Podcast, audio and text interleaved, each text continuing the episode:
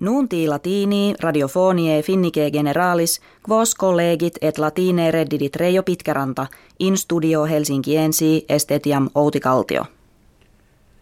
Presides civitatum Americae unitarum iterum designatus est Barack Obama, quipequi comitiis die martis factis amplius trecentos electores sibi conciliaret. Ubi primum eum in iis civitatibus superiorem esse in notuit, inquibus certamen equissimum esse costabat, omnibus persvasum erat Obamam victoriam de adversario suo republicano mit Romni reportaturum esse. Neque Romni diu cunctatus est quin novo presidenti gratulatus se cladem in suffragio accepisse publice confiteretur.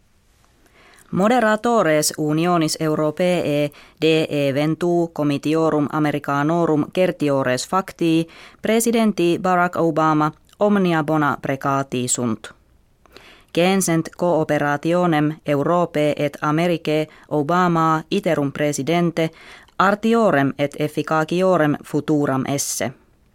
Existimant enim fieri posse ut ille non jam solum rebus domesticis curandis operam det, sed animum magis quam ante ad negotia publica extera attendat. Die Dominico novus papa coptorum Christianorum Egyptii creatus est Tavadros episcopus provincie beheire in ostio nili site. Munere accepto ille vir sexaginta annorum – Papa Alexandrie et antistes sancte sedis totius Africae officialiter appellatur. Electionem fecit puer coralis qui oculis obligatis e calice unam e tribus tabellis obsignatis temere sustulit eamque prefecto suffragii porrexit. Institutum internationale ab actis diurnis sollicitum est de progressu qui eo tendere videatur ut libertas rei diurnarie in Europa in periculum vocetur.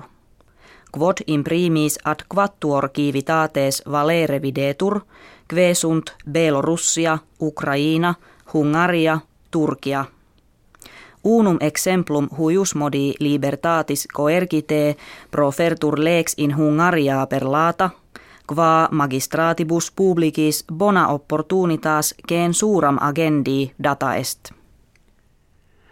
Hoc anno regenti anni acti sunt cum rex Fridericus secundus cognomine Magnus Berolini natus est.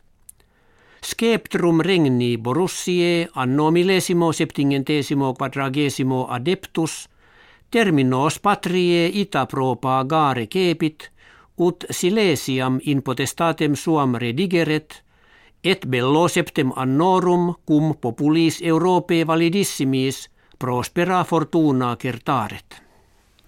Dies martis sive postridie nonas novembres infinia cultui civili et litteris sveticis celebrandis dedicatus erat. Primum quidem hoc festum ad memoriam Gustavi Adolfi secundi regis svetorum agebatur.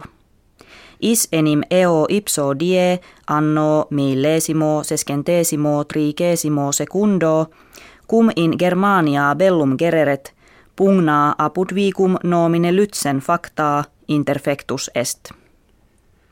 Hec habui musque vobis hodie referemus valete.